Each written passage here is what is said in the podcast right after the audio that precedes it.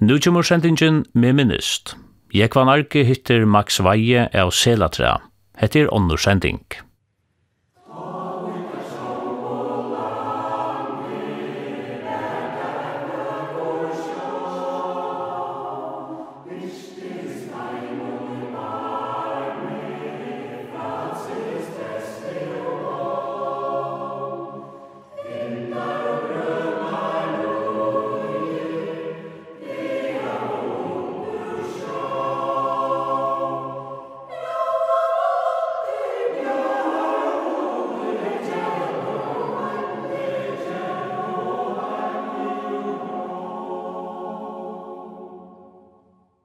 Du nevnte jeg første veie i førjen var av tyskar i at, og at han kom her partien i 1600-talen.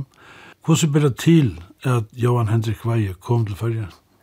Ja, nu var han uh, systersønner Kristoffer von Gabel og, og sysknabaten Friedrich von Gabel, så er gitt at han man hava finnes arbeid i havn, ettersom at han var sin nær familie vi tar som tar råd for borg.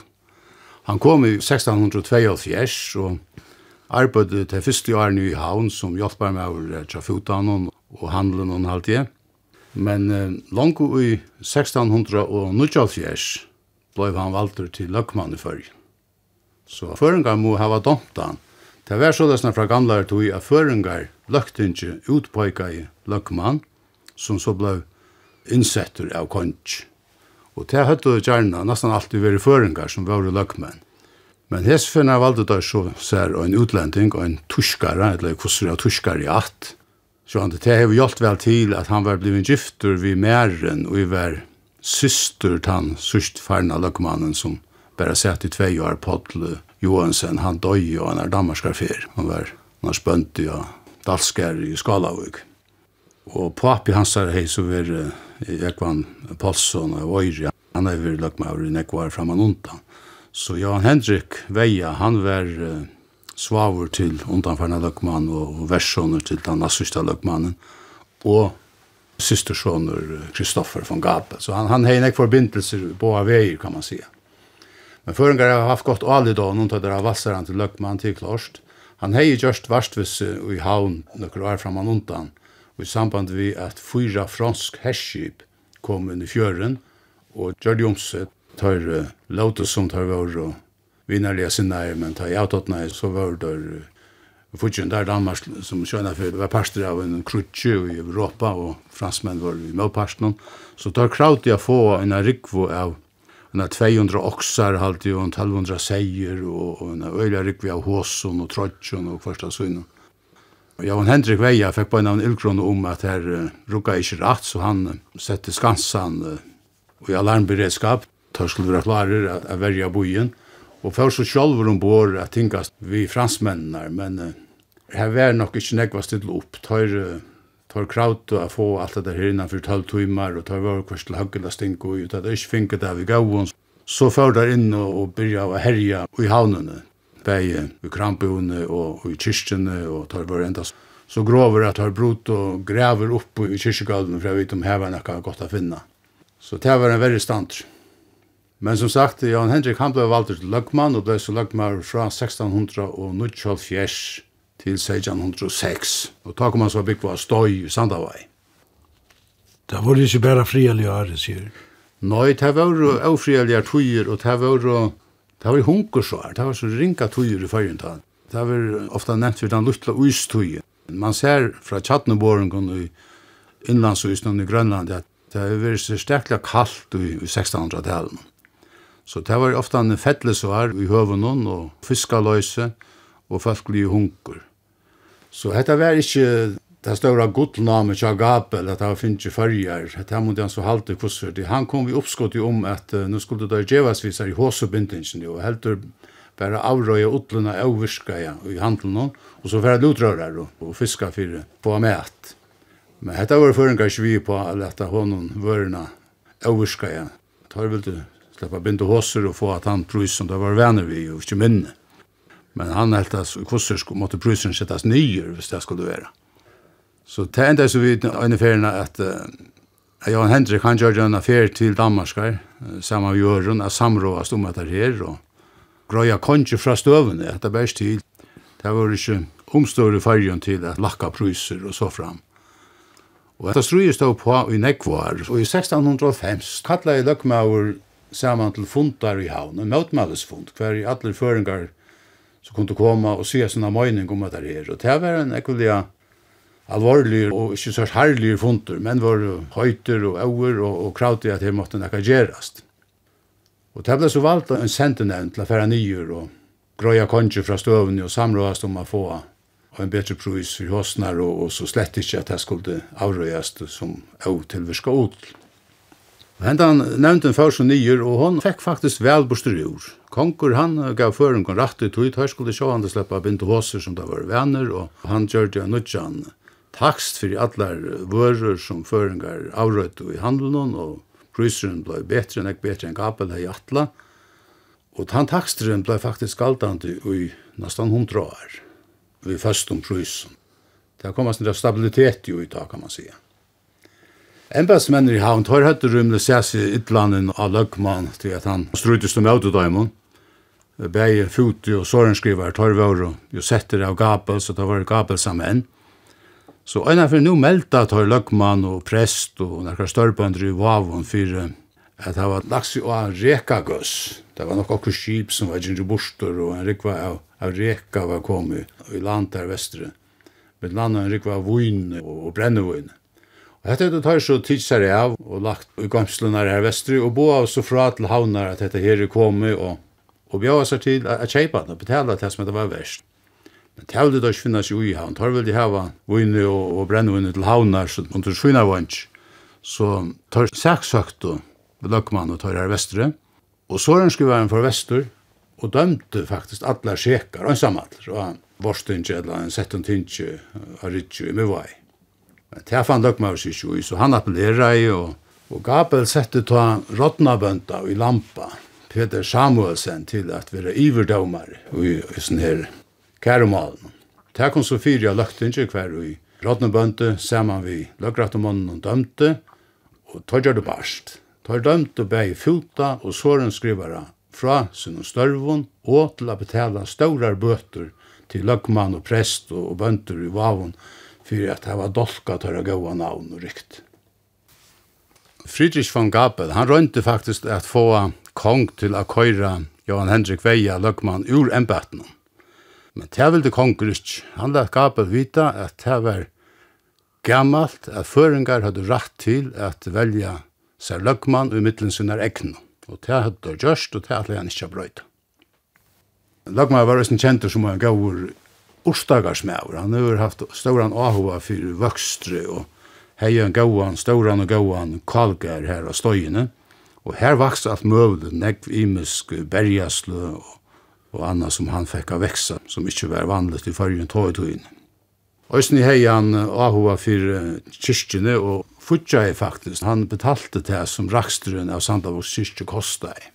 Og heromframt kjepte han en anutja kyrkjeklokko, Hon er støpt i Holland i 1693, og av hese kyrkjeklokkene stendur skriva av latuinne, si deus pro nobis quis contra nos, som mester er god vi okkon, hver kan ta vera i møte okkon. Johan Hendrik, han hei trutjar døtter, som han skulle ikkje tro at, at veia navnet kom vujere, men det kom da så i jøgnum tær. Og en døtter hans er gyftest vi son Rotnabønda. Han ble så løgmaur han var Johan Hendrik, og ble kallet for gamle løgmaur. Han sett som løgmaur i holdt trus år, nesten. Nå fyrt år alltid. Så da kom veianavnet til Lampar og heian og vujere til Søldarfjærar, Skalar, Selatreer, Norskala, Sørvoks og så fram. Vi uh, tås av oss heinast om at du tjekst i realskola av Glivron, Og ta det var livet vi enda realskolan i Nudjo Trush, ta fort og borster i land. Vi fører faktisk fyrst en tur saman realskolaflokkerne av Glivron til Danmarskar, Hollands, Belgia, Luxemburg og Tyskland. Vi tatt og sauna saman pengar til en affær, det var ikke vanlig ta, det var nok bare en flokker som er gjørst undan okkara. Og det er funtvis nere, vi brukte et halvt år om det og finke sauna det som skulle til, og så fører vi ta åttanlandsferie Vi tatt finnes skolastjøren Andreas Thomsen ur Andarfyre og en lærare Sjurur Johansen fra Djekv at vera feraløyer og kipa fyre tjåkene og kona Sjurur Alma, hon var røysne vi stek fitt folk og som Det var så godt samanhalt i akkara flotsi og vi tatt en finan tur for nye vi kronprinsen og så vi er vi busse og gist og imenskom vallara heim. Da vi kom etter til København, ta valgte jeg over etter i Danmark. Tog ta var det bare nekra vikur til jeg skulle til Amerika. Jeg har sagt om at få a scholarship fra AFS, American Field Service, om a blå skiftesnæmingur i Amerika i 8 år. Det tekke. Jeg skulle i 8 år gang i skola i Tøltaflotje i Windsor High School i Colorado High School her i til Sverre Nøklunda til okkara studentaskola eller Minoan. Jeg skulle så takka prekk for her og vera vi i ödland tog som her Jack Fyrirsen. Det hei veri vanligt at uh, AFS-herren fyrir til Amerika vi kip fra Europa vi kip til USA. Det skulle være en øyla spennande gau turer, og av turen og fink det så høve til at uh, blå kunna i om hva det var til nu uh, for og i holdt vi, og hvordan det skulle fyri haldas uh, hvis vi ankrar kjeil er støver skulde oppsteg. Men i 1900 ble det så brøtt, så snart vi flo i Det var veldig nekk for nærmengar. Det var ivi 3000 nærmengar ur öllun Heimsparsten som var AFS-er til Are. Nudjalt Trus ur Danmark, og jeg var så den eneste ur fyrjun til Are. Vi flo ur København til Oslo, og her kom så til norsk og AFS-erne ur Pui, og så vi er til New York. Og her ble vi så ødlund kvartera i en universitetscampus, og i nekkar deir, nesten en avik, fyrir jeg ble brifa om hva til stå i møte nu, etter neste år i Amerika. Vi finner kunning om hvordan vi skulle fyre i halvdagen, hvis jeg akkur skulle være, og vi finner hver sånn kontaktperson av hovedsettene til AFS hvis det var at vi hadde bruk for hjelp. Jeg ble kjipet fire at de møvelige og underholdt tarimisk og bølkaner av AFS-er og kjipet fire falkadans og hver sånn. Det var noen fine og AHA verder det er her i New York. Men så ble vi ferdig vi gjør, vi får hver sånn her av staten, jeg flei til Denver. Amerikanare kallar det Mile High City. Det vil si han er en amerikanska mil 1600 metrar iver havufletten. Så her er torst og godt meilandsklima. Jeg kom så til Denver, og her stod jeg fire mer, Mauren og konan og, og soneren og husen her som jeg sluttet Bygva, Paul og Dorothy og Jerry som var yngster i sysknaflasjen, akkurat som jeg. Og vi kort så en tøyma norr fra Denver, til vi var cirka miskøy i middelen Denver og Cheyenne, hovedstaden i Wyoming. Her ute av en bøndager skulle jeg så bygva i åtte år. De sa det vi med at jeg var velkomna å kalla det mamma og dad, altså mamma og pappa mener være rivri. Og det gjør det. Jeg kalla det mamma og dad. De var ja tuskar i at. De var atta fra de såkalla volga tuskar. Det var så snar at um, I 1600-talen kom en tusk kvinna som at Katrina, det ble kallet Katrina den Ståra, er råa for borgen i Russland. Hun er gifset til alt valgte her, og hun bjøa i tuskaren å komme til Russlands at bosette seg. Og tar funnet gau kår, tar skulle få gjør fra staten, og tar skulle ikke hava verjeskyld, og tar skulle ikke nøyes til å konvertere til det ortodoxe russiske kyrkene. Tvørst i møte tar kunne grunta sine egne bygder og hava sine egne skoler og kyrster og så fram. Og det får nek vi tyskere til Russlands tal. På samme måte som uh, tyskere og er europeere flyttet til Amerika, røyne etnene, så var det nekker som flyttet estere til Russlands. Og bosettet seg selja av løyene vid Volga. Så vi ble der kallet for Volga-tyskere. Her er det det som bo i Jøgn og Nekv Attarli, men omlai er 1900 blir det blod av mer trobult tjatum. Det var ikke så vel satter av de etniske russerne og herverst ble gjørst til møte tar åknen og omkring anker samanrester i våre. Og særlig at jeg i den russiske kolveltingen kom i Jan seitjan. Ta tog det så avgjør om å flyta foreldrene tja mamma og dad til Amerika. Og papen Paul bønt han her gæren, han er virkelig en velhavende bønt i Russland, så han uh, selte gæren her og flyttet til Amerika og fann et godt stykke her i Colorado som han kunne få til kjeps og sette seg nyr her som bønt. Det var så røsk, altså. Tuskar er kjent for ordning mot seint, og det kan jeg skrive under på. Det er øyla skipa og arbeid som folk. Det var kjøtt at jeg kom vel fyr her i Amerika, men ikke i fyrstane. Det var det kjent som uh, The Dirty Russians. Amerikanerne hilde det at det var ikke så røntfører og sårnakka. Men så pratet vi omkring av de eldre her som myntes tog inn i Russland. Han sier men altså, Amerika var for åkken et merkelig land. Altså. Her var det pura vanligt at man för ut i gæren, ut i tun, at uh, gjøre seg døvra, grilla, og så at man ute. Og, og så får man inn hvis man skulle ha vese, og her var større og flott moderne i beiverser. Så akkurat i Russland var det bare ikke øvet. Vi er ute inne og får ut av hjelpen selv. Så dette her førtes visse eknevnet, The Dirty Russians. Men det var så kjøtt at så kom og tar etter oss her, Nutsjo, Norman og i Amerika, og, og nekker at de ble velhavende og velkøyrende bønder der i tar lott vel, og det tar skjøttet av bøynløse, tar klarer seg bedre enn en russeren i sin tog, og det var det som førte til øvån det er jeg faktisk kjøpt seg en gæretre, altså han er i nok så større bøndagærer, og her dyrker han selja sukerrøtter og mais og alfalfa, som er nekka luknande som hodj, og imest anna. Og en parst av avrøt avrøyte han til fyrster her i nærheten til de sukerrøttene og bønner som han framløyte nekve av. Det som ble av, det brukte han til å færa neitene vi, sammen med mais og alfalfa og hodje. Han hei gjerne en 400 neid, droppsneid. Han kjepte det fra ranskjæren oppi i eller ute av preriene, angstene. Og så fyta han det opp, og i nekra måneder inntil det kunne slaktast. Jeg pleide å være vi og noen av neidamarskneien og noen måten er vi først. Det var interessant å komme her. Det var noe som uh, små amfiteater, hver vi bøndene sjøt opp etter rettjennom, og så var det en paddler i myene som var en stor vekt Så råket der en 20 neiten av paddelen og gensjen. Så sa man på en veien kvart etter 20 neiten via, og, og bøndene kom til møte om hvordan dette fylgjen nå var fire. Og så bjør av det, det er ikke kjøtt fire seg, øyelig kjøtt fire. Så på en fyrra part ble nekk neit omsett her, av neita. Men alle sier neitene, det skulle ikke han det gyrast vel inne, og det måtte være størst. Jeg var vidla gjerra nekkar av sånne gyringen, og det var veldig pelar som ble båret nir og gjørna. Her var sånn ekkur traktorer og, og lastbilar. Jeg talte etter, her var åtta lastbilar og tutsju traktorer her av gæren, som ble brukt til limes vi uh, maieterskaren og slaimaskinen og kvarsta svinn. Hvis den ene traktoren hei en veldig an bor, ja, som så ble bor djupt nir i moltena, og så ble en større steire sett nir i, og molten ble stua og pressa nye vi som steiran, og så sånn, han var ikke la vika. Så nekkur sånne steirar er rea og, og bjolkar i middelen, hetta vel halda neiten hon, så det er ikke fyrir straks.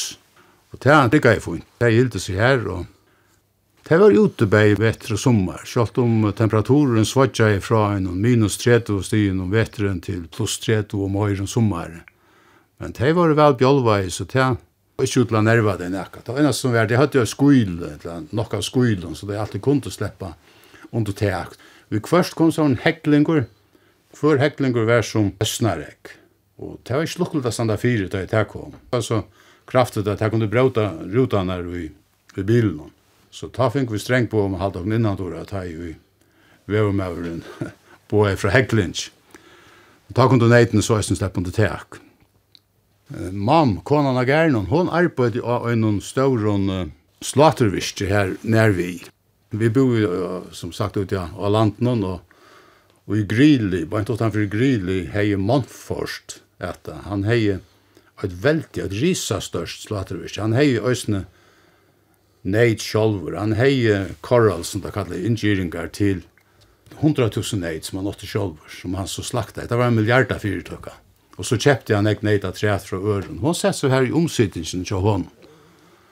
Så dette var ekla streimlinja av framløsland. Her kom og trailerer vi neitun inn i øren endan og så ble alt dette her um, slakta og skore sundur og pakka og i hinn endan annan kordet så er trailerer vi fristebinjen og kølebinjen. Dette kjøttet ut det ble så distribuera rundt om alt Amerika. Jo, Sne Montfort, han var en større matadorer her i Gjøkjennom. Og i skolan var det helt ærvis enn jeg var venner vi. Hver lærer i hei sunna skolastov, så akkon har i fargen er det øvut, at hver flokker er sunna stov, og læreren er skiftet middelen, men her var det bare ikke øvut, så vidt vi kunde välja ett möjligt imisk fag. Så det var inte så att när en flockor var skärman alla tojina som vi valde i ett och som vi valde i ett annat och så i mitten kvantumma kvar en frugastel så skiftar man stå av det var stäsch så galt man kommer kjenne nek flere folk, for det samme vi nek flere nærmengon i sin imensko stoven og lærerne var gauer, vil jeg si. For George seg avmak, og vi lærte det som vi skulle. Skolen var vel utgjørt. Seljan innanfor utrått og musikk og sånt. er nek bedre utgjørt enn hva vi var venner vi kjente til framan undan. Jeg minns seljan var det American football som var høyt i meten og baseball og så. men det er helt det med så fra. Jeg tok så i stedet for gløyming da øyne semestret, og ta neste semestre tok renning, og det ta don't meg vel. Og som det ikke gjør vi i skolan, det var kristne. Det var et no-no. Det må ikke finnes det i amerikansk skolen. I Amerika kyler man bøgnharst i middelen stat og kyrkje, det må ikke blanda sammen. Det vet jeg ikke fra som morgensang. Så da jeg vet at det sitter her en løt i skolan, og morgenen var kommet på plass, godt og vel, så høyra vi til hatalaren. Det var jo hatalar i hver skolastov, både fra skolastjøren Time for Pledge of Allegiance. Det vil si, ja, nu er tog at uh, votta, eller at, at lova landet noen uh, trofeste. I hver en hotne, i utan skolastå, var et amerikansk flagg, så røstes det ødel og vendte seg mot flaggen, og lette håndene av hjertet, og så søtte at samstundes disse ramsene, I pledge allegiance, to the flag of United States of America and to the republic for which it stands, one nation under God, indivisible, with liberty and justice for all.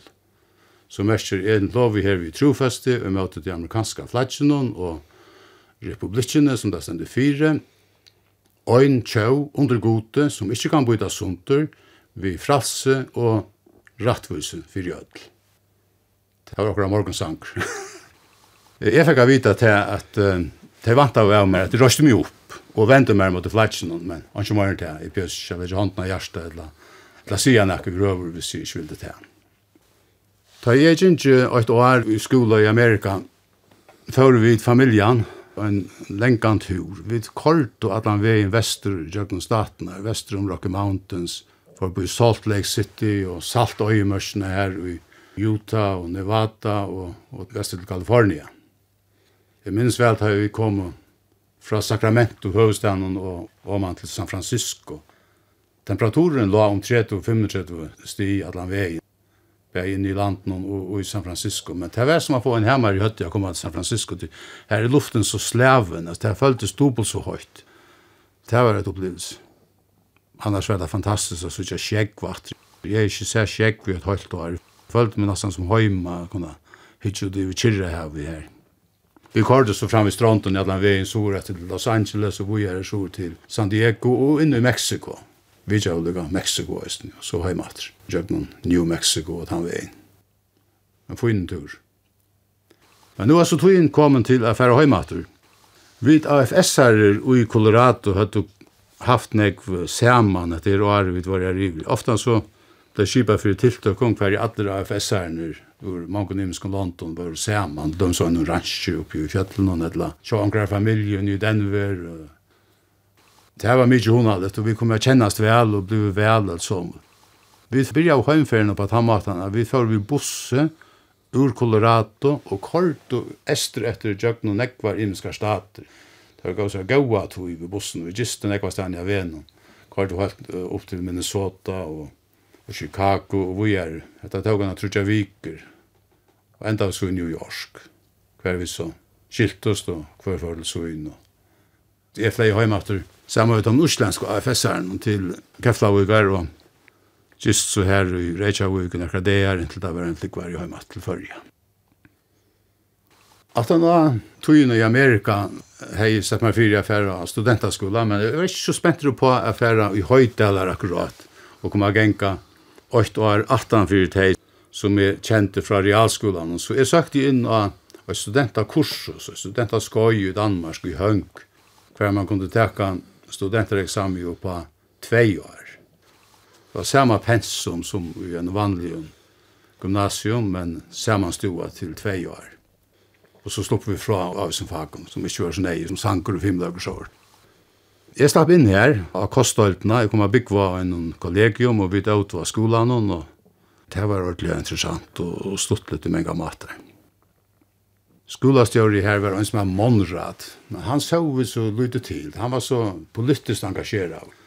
Han ble amtsborgmester i Vestkjellands amt, som hei høvesett i Såre. Så han var opptidsen av tog. I stedet var det så være skolastjøren Esman Eriksen som var virkande stjåre. Og han var en fytter og leilig med over, men han helt inte den disiplin som Monrad var kjent för. Så vi hadde da, när jeg en årgengene fram og undan, la du et, at det platt jeg være. Hette var mitt i dem om studentopprøsteren og ungdomsopprøsteren som de är nere kjent for. Og vi ville se han få avvarskan av undervisningene. Larsland har rundt å gjenge möte møte og Lorstad jeg tog som nærmengar i seg Jeg minnes særlig øyne henting, ta hei nemmingar og kraft, at nemmingar og øyne skulle ha avvarskan av morgensangen. Det platt jeg vera at alle møtte opp til morgensang, og så sang man ur haskola sangbøkene. Danskar fosterlandsangen, gamle kjenta sanger. Høng er en sånn skolabojer, her var haskole langt fra, Høng høyskole fra 1804 trus. Og ur hånden er nekvar er skolar sprottner ui Høng høng efterskole og høng realskole og høng landbruksskole og høng studenterkurset som nu er så blivit til vanlig gymnasium. Nu har jeg i kraft at få avvarskan av morgensangen, og det, jo, jo, det var så i leie. Uh, vi skulle släppa skiftast om at skipa fyrir morgensangen, så sånn Ja vad.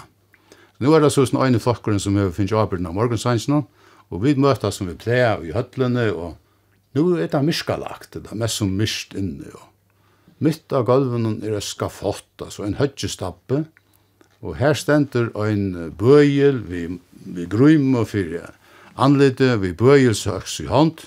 Hetta sa draplet ut. Vi sett altså. Og nu kommer ein berant vi nær høn, og hon gakka i au først, for iver til høggestappan, og legger hønen av stappan, og hesen høgger høtti av. Det var det jeg stilt inn, det var bare som en soan i jøgnen, flotsen gonger han løtta, nu kommer en annar vi enn kvitun kjettlinje. Og fer i til høggestappan og skal gjøre seg klaran. Ta være rama skrutsk om atlan sælen, det vil jo ikke finne sjo i Han skulle hossa just. Så det var så enten at vi i morgen sanns om det, finnes jo så en båskap fram om hvordan vi gjør amona, djauron og hver nøren. Men ta det at morgensanken i fire, det var nekve nærmengar og lærere som sa at skulle det være på handamatan, så følte fyrir ikke flere fyrir morgensanken. Så det var jo om sen vi at vi skulle köpa for Marksens.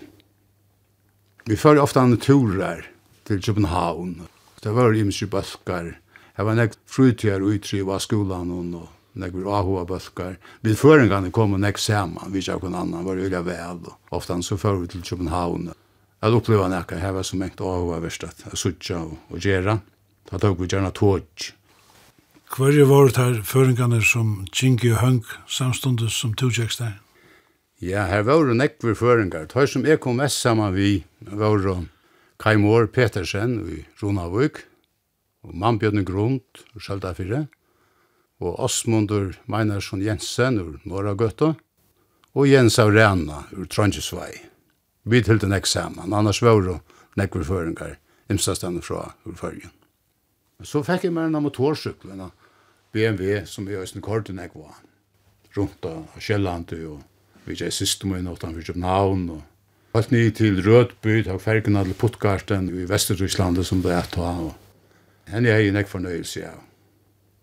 Så kom vi i samband vi navigatørerne navigatørerne det er en organisasjon fra 1933 i halte av, av kristne, særlig ungdomme, som har til endamåls at um, hjelpa folk vi å navigere i løyvnen, ut fra skriftene og tog som her stender om hvordan man skal leva løyve. Vi savna oss da en sånn Bøndagøren og Høymon i Hank og her aløyene og Østny i, i Kalumborg, minst.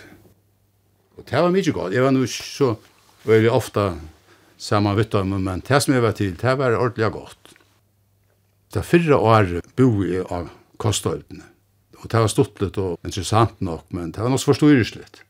Så da 17 år, ta valgte jeg loja med kamera ut i byen, og så var jeg mer for meg selv, og alt så bare måltøyene av skolan, og sammen med henne. Og nå gjerne tvei av fjersta, tok jeg så prekk hver i hønk, og med livor, og tvei ahua hvert år var at enda kom her. Ta jeg så sagt inn av Aarhus Universitet at lesa medisin, og byrja jeg så her, i 1972. Men det fanns kött att det var medicin, det var inte så jeg holdt seg om och, og for å läsa stjödmalafröj. Det statskunskap som man kallar det här. Det hade mig vel, Det var interessant alltid och min særlig en lärare som et Sven Auken. Han ble sådant en, en känd politiker i Danmark och var inte känd långt ta. Men jeg trøst ikke annars ikke så väl i Aarhus så Ta jeg lyser her i et år, ta bestemmer jeg meg for at jeg tar sabbatsår. Jeg hevde at det var så mye unger, jeg bare øynene kjører gammel, og jeg måtte takke meg tog til, eller beit fei. Det ble så til mange år, jeg kom mange ganger til å lese. Men jeg pakket i tingene og, og flyttet hjemme til Selatreer. Her var det så i et år, gjør det i mest firefattlandet arbeid, jeg arbeidet i plantasjene, jeg skår og glansens, sammen med Løyver Trønd Hansen, vi felt og trø og rotta og så det vi, så gjør det da ikke en køyrve en vei fra landsvennen og nyan til plantasjen. Her er ikke vi køyrande fyrir, så jeg løyver kunne køyra nyan vi djupen og jassar, så alt ble nek møyra arbeidslitt. Og jeg var vidt til å gjøre en av stokkastov. Eiler Jakobsen, han er kjepsar en av ståra norska stokkastov som han skulle ha til sommarhus av Selatra. Her kommer med hvor vi gjør norra til å sette han opp som kjente til dette her, og da er jo grunnen var kunnet på standas så var ikke noe annet enn å få bjolkanar på plass, og Eilers spurte så mye om jeg kunne hjelpe til. Jeg kan gå til handa visen her. Det var gammel og og vi var så tvøyer som leia av seg bjolkanar oppe på han nekra viker. Det var noe stolt, en sant av å vite til det. Men så søkte jeg og fikk arbeid av Kipafellene. Jeg kom og arbeid av høvudsetningen av Kipafellene i havn, som stjøtnarskrivare. Så stjøren tar over Odde Niklasen og, og Knut Nolse og som hjelper meg over i shippingdøltene, hver i Anker Høygård, hei arbeidene. Hetta var ser interessant arbeid. Her var nek skip ta. Her var seitjan skip, tjei farmaskip, og eitt fiskeskip, og nutjo kupatrålar. Ta var komner og er fire, men ta var ikke komner i drift. Ta jeg byrja i her.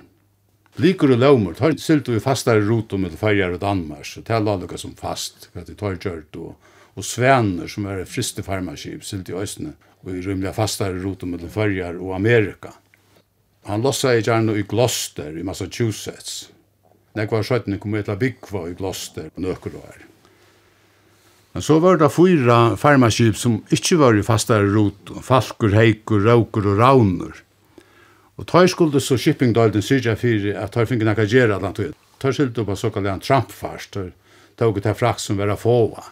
Og det var nekk samskifte i oss her. Vi uh, anker vi, vi samskifte vi uh, nekk ånder røya roi og, og fel ut i heime, og det var sånn, det var ønskeskund det meste, og det kommer så til gauar her at jeg var i Amerika og var venner vi at samskift og ønskeskund.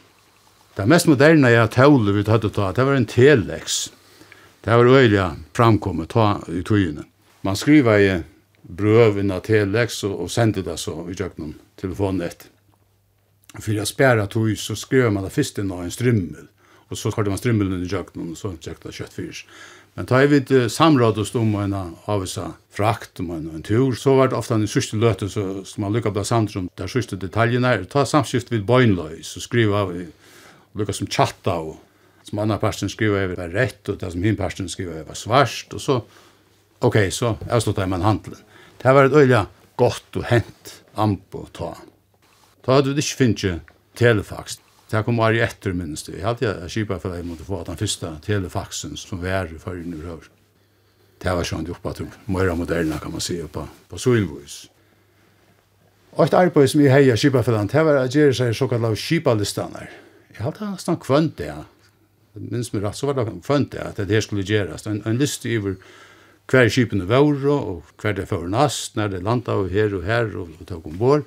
Hetta ble så skriva et arsk og bytt til alle døltene av Kipafellene og sendt til limskar fyrirtøkker som vi flott og farm fyre og, og utvarspe fikk og et øyntek. Det var så vanlig ta at at han tog inn i og så kom Kipalisten, Så hørte man hver vi, vi bliker og laumer, vaure og hver der for nast og, og nært av vær og alt det der. som menn kunne planlegge sin innkjøp og sine avskipingar etter tog i. Kupa-trollerne, det var en særlig avbjøring, å få at høyre i drift, da kunne spille litt kjente svinabundner eller vi kai. Så vi tatt nek arbeid av å skaffa dem arbeid. Og det som vi satsa på, det var oljevinnene, det var offshore oljevinnene i Norsjøen kom vel og virkelig gongt, og jeg minns da vi gjør jo en reklam og reklam og attak, og vi fikk Jan Smitta hjelpa meg å vise nere. Han var så hentinga Donald til å tegna, Vi fikk en fina reklam om sjørs ned, og hun ble så sett i. Og jeg minsk fag tog i, og i oljevinnene. Og det lukkast faktisk å få med en parsten av baten og drift. Fyra kom i Norsjøkven, hevestur, munkur, skraper og trastur, og tvær fikk arbeid i Grønland, Skarvur og gorspur. Her var østene oljeløyting ta utfyrir Sissimi og Holsteinsborg. Ja, og så var det Skikvor. Han lå i Sørvai som mjølfabrikk av Sørving. Og herren frans vest og øyna fiskeskipet, det var Bækkur som skipet var i 8-ta. Bækkur hei fristetunnel og fristelast og fiska i mest laks som det grønlandet. Jeg halte han var åknar av hemar og øysten i munnetui. Og så gjør han nesten åknar turer nyer i farmen for skipet fella i, ved middelen turar er et laks og så fram. Men don't gjør jeg vel av skipet. Det var fytte menn og fytte folk at arbeida saman vi. Men uh, Svavur Otto Niklasen, Jon Dam, han hei ta i nokkur år fiska vi Vesterværan, rætjer under Grønland.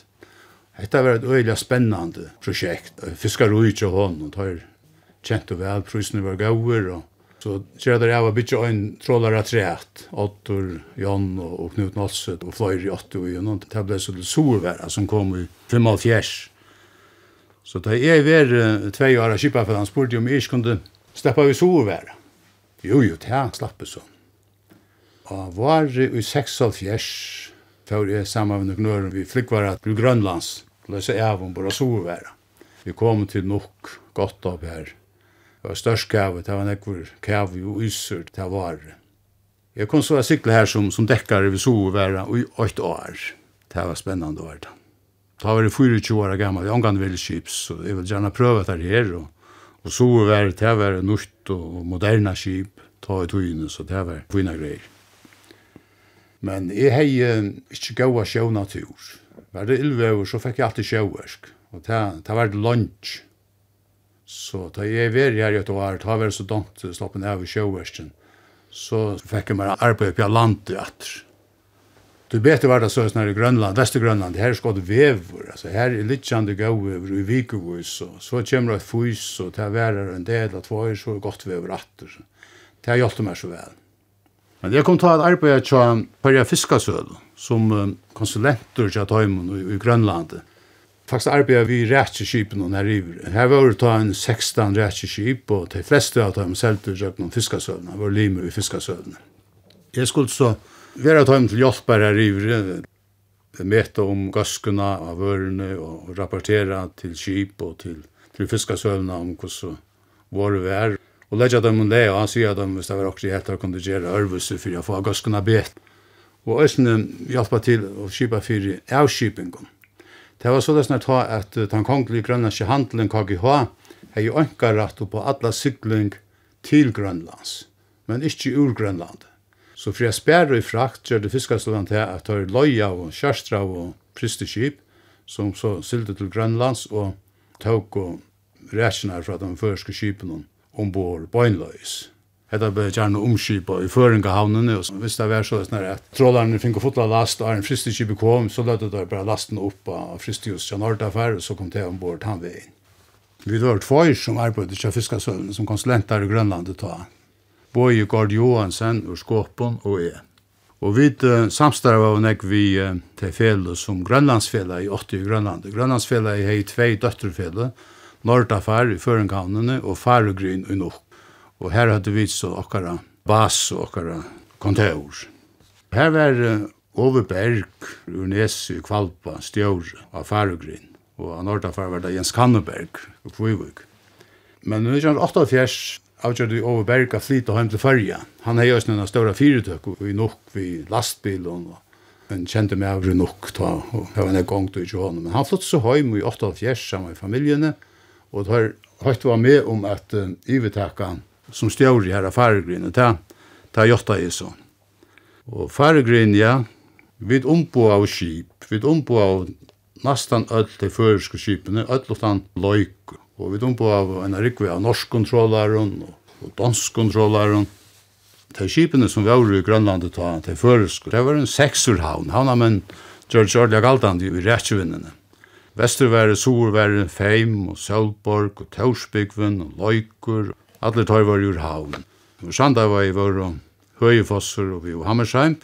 Så var det Vesterland ur Øsvøk, Åknen ur Saltangara, Orion av Tofton, Logos og Kristina Logos ur Gøto, Kviltene ur Larvik, Horisont og Karina ur Klaksvig.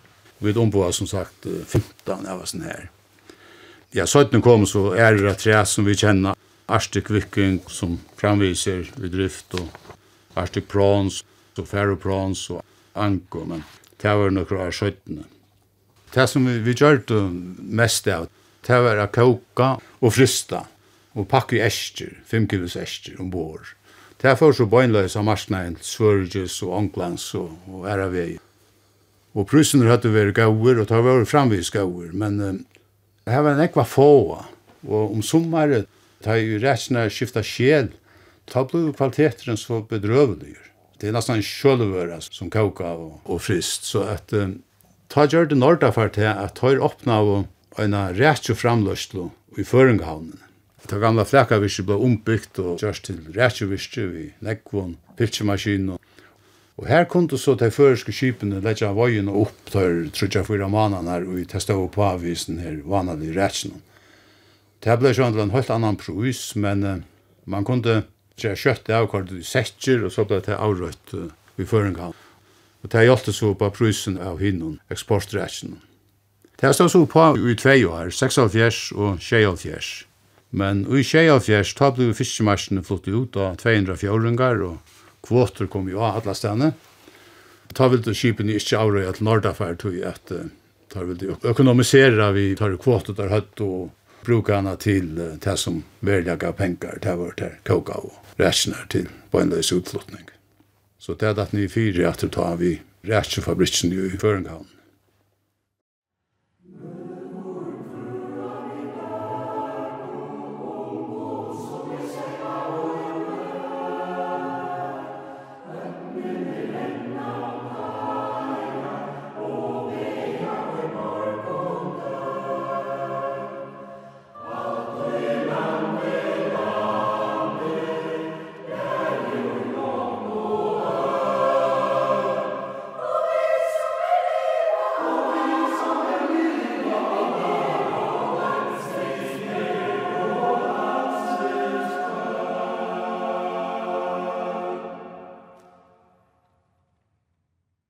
Hatta var sendingen med minnist. Jeg var narki hitte Max Veie av Selatrea. Hetta var onnur sending.